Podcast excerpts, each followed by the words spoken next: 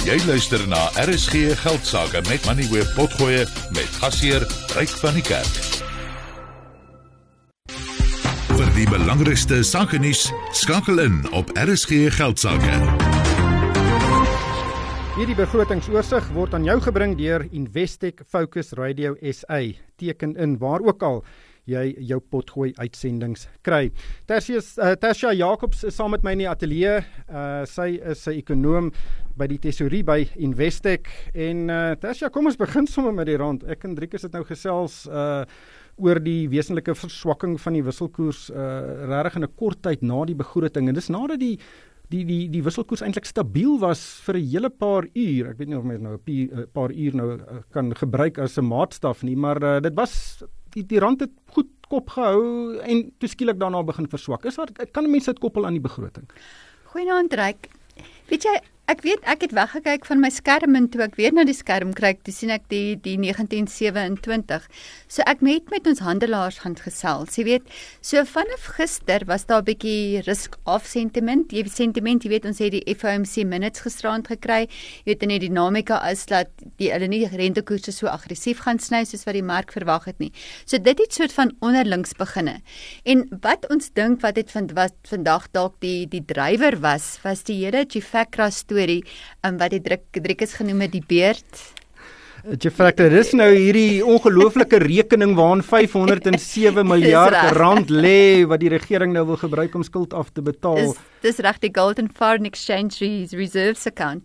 So daar was twee maniere gewees om hierdie ongerealiseerde uh wisselkoers winste by die regering te kry want onthou volgens wet behoort daardie winste aan hulle. In baie ander lande rondom die wêreld gee dit eintlik van die sentrale bank na die regering toe. So dit is nie 'n snaakse ding nie. Ons het dit nie nog nooit gedoen nie wat eintlik die snaakse storie is, reg?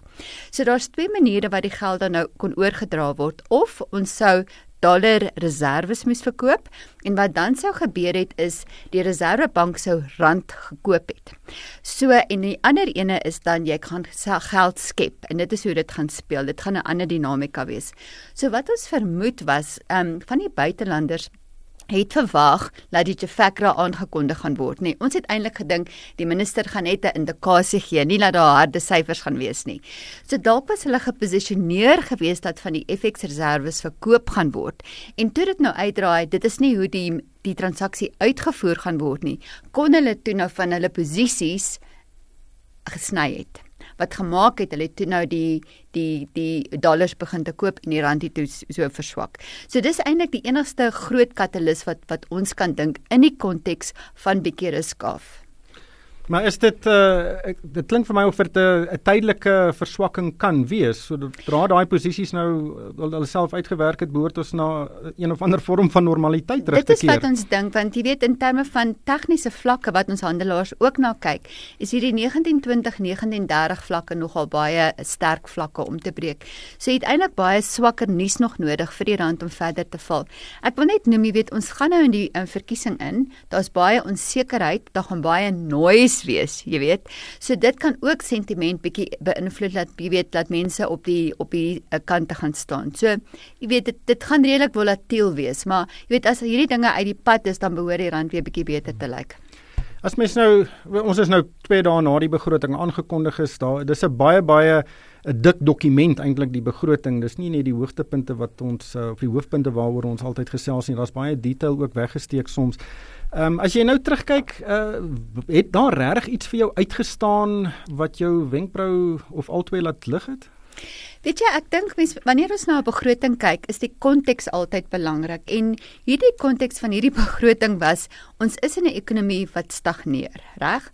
Ons wag vir die herstel van Eskom van Transnet want dit is nodig werklik waar om die ekonomie laat te versterk dat mense bereid is om meer te belê en so aan. So dit gaan nie oornag gebeur nie. Dis omtrent 'n 2-3 jaar proses, reg. So in die tussentyd is die ehm um, ehm um, belasting um, inkomste onder druk, reg? Dit is hoekom ons nou weer ehm um, hierdie sogenaamde bracket creep gesien het of dit is die stealth tax wat as jy 'n salarisstygings gaan kry, dan word daar nie inflasie aanpassing gemaak vir jou belasting bracket nie. OK? Hmm. So die regering of nasionale tesorie het eintlik hulle was damned if they do and damned if they don't reg? Want anders gaan ons baie stelselmatig beweeg in in 'n sogenaamde debt trap. Jy weet wat die die rentekoersbetalings net al hoe meer en meer begin te raak. Want jy weet die koste van om um, vir die regering om hulle self te fundeer is baie duur. So dit die Jafakra gebruik was eintlik nodig geweest in die konteks in Ja, ek ek dink dis nodig. Ons skuld is te hoog, maar ek dink die die die vraag wat mense onmiddellik moet vra en ek het dit ek het vandag ook met uh, Dawie Rood gesels uh daaroor en dit, dit gaan dit, ons gaan nou skuldverligting sien van hierdie 150 miljard rand. Ehm um, maar het ons nie dalk 'n skuldplafon nodig om te sê die regering kan nie die skuldlas van die land laat hoor as 'n sekere teiken gaan nie. Ehm um, want dis in Amerika die geval. Ehm um, anders te kan die regering maar voortploeter en net skuld maak en skuld maak en skuld maak en dan vir 'n nuwe administrasie later oorgee. So dit is 'n uitstekende punt. So jy sal sien in die begroting het hulle ook gepraat van 'n fiskale anker. Die minister het dit eintlik aan die in in die November MTBPS ook genoem. So wat hulle nou gesê het vir die jaar is dit is nou groot um, dit gaan besprekings wees want dit is eintlik 'n politieke besluit aan die einde van die dag want ons verskillende tipe fiskale ankers. So in die interim wat ons dan nou het as soort van 'n de facto fiskale anker is wat ons noem 'n primêre surplus. En wat dit eintlik behels is dat jou nie rentedraande besteding is dan minder as jou revenue as jou belastinginkomste. So daar het ons 'n surplus. En ek dink terwyl ons nou wag vir dit om te ontwikkel, gaan gaan dit die fokuspunt wees. Hmm. Dan ek het ook uh, gisterand op hierdie program met uh, Jan Havenga gesels, professor Jan Havenga van die Universiteit van Stellenbosch oor Transnet en Transnet het uh, eintlik slegte nuus gekry in die begroting. Uh, die regering gaan borg staan vir 'n uh, vir 47 miljard rand se skuld, maar daar is glad nie begroot vir 'n uh, kontant inspuiting nie. En Transnet sê luister, ons het geld nodig. Die daar word groot beloftes deur die president gemaak. Ons gaan Transnet regruk en uh, dinge gaan beter gaan baie gou en nou sê die tesourie nee, julle moet maar julle eie finansiële probleme oplos. Uh en dit kan meebring dat daar wel 'n boei later vir jaar gegooi word na die na Transnet toe en natuurlik daarsou vir nie begroot nie en dan mis ons nou weer die die begrotings of bly nie binne die begroting in hierdie nuwe boekjaar nie. Bekommer dit jou? Weet jy, ek dink daar's eintlik baie interessante verwikkelinge, potensiële verwikkelinge hoe Transnet geld kan kan kry vir die um, kapitaal wat nodig is om dinge reg te maak en um meer beleggings daarin te kry. So die eerste punt eintlik hoekom die die regering nie vir Transnet meer geld gegee het nie, is dat in Desember nadat hierdie um waarborg van 47 miljard aangekondig is, was van die lenings gerol gewees en die banke het toe 'n bedrag van 14 miljard 'n 1 jaar lening vir vir Transnet gegee. So dit gaan basies help vir die likwiditeitsprobleme want dit gaan afge jy weet hulle gaan toegang daartoe kry oor 'n sekere periode. So ek dink dit gaan van daar daardie dinamika adresseer. Die tweede aspek is is dat die minister van finansies wil ook nie net vir Transnet geld gee as alles nog nie in reg reg in die plek is nie. En Janie dalk het ook genoem, jy weet, is baie belangrik wie gaan die nuwe leierskap by Transnet wees, reg? So daar gaan baie sterk kondisies ook moet wees want as jy nou kyk byvoorbeeld na die amper 400 miljard wat die afgelope jare aan Eskom en SA, dat jy kan eintlik niks daarvoor wys nie en Denel is nog eene ook. Jy weet so daai fout gaan nie herhaal word nie want dit moet die ekonomie bevoordeel.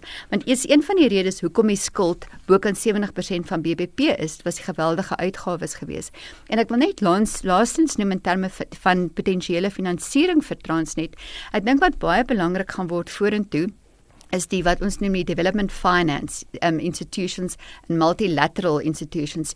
Jy weet daar kan jy omtrent 30 jaar lenings kry teen rentekoerse van omtrent 3% en dan sit ook projek spesifiek. Um So dit gaan ek dink 'n baie belangrike dinamika vorentoe wees. En dan die ander belangrike punt is die privaat sektor speel al 'n groter rol in die infrastruktuur um herstel en belegging. So daar gaan ook meer kapitaal uh, um allokeer begin allokeer hmm. word. So hierdie is baie belangrike ontwikkeling. So dit was geen manier dat die regering, jy weet, gaan hulle sou net die gun gejump het om nou net nog sommer cash in te stoot nie. Dis goed om dit te hoor. Tersha, baie baie dankie uh, vir jou tyd. Dit was Tersha Jacobs, sy se ekonom by Investec en hierdie begrotingsoorsig is aan jou gebring deur Investec Focus Radio SA. Teken in waar ook al jy jou potgooi uitsendings kry. In die wêreld van besigheidsbankdienste projeksies, C4 getalle en jou minimum vereistes dikwels bo verhoudings. By Investec het ons 'n ander benadering. Ons weet om 'n suksesvolle besigheid te bestuur, vereis deursettingsvermoë, dryfkrag en vennote wat bereid is om die pad saam met jou te stap. Die persoonlike bankdiens waarvoor ons bekend staan, is nou tot jou besigheid se beskikking. Investec Besigheidsbankdienste, out of the ordinary. Investec Bank Limited, 'n geregistreerde krediet- en gemagtigde verskaffer van finansiële dienste. Jy het geluister na RSG Geldsaake met Money where potgoe elke weeksdag om 7 na middag. Vir meer Money where potgoe, besoek moneyweb.co.za of laai die toepassing af en volg Moneyweb News om dagliks op hoogte te bly.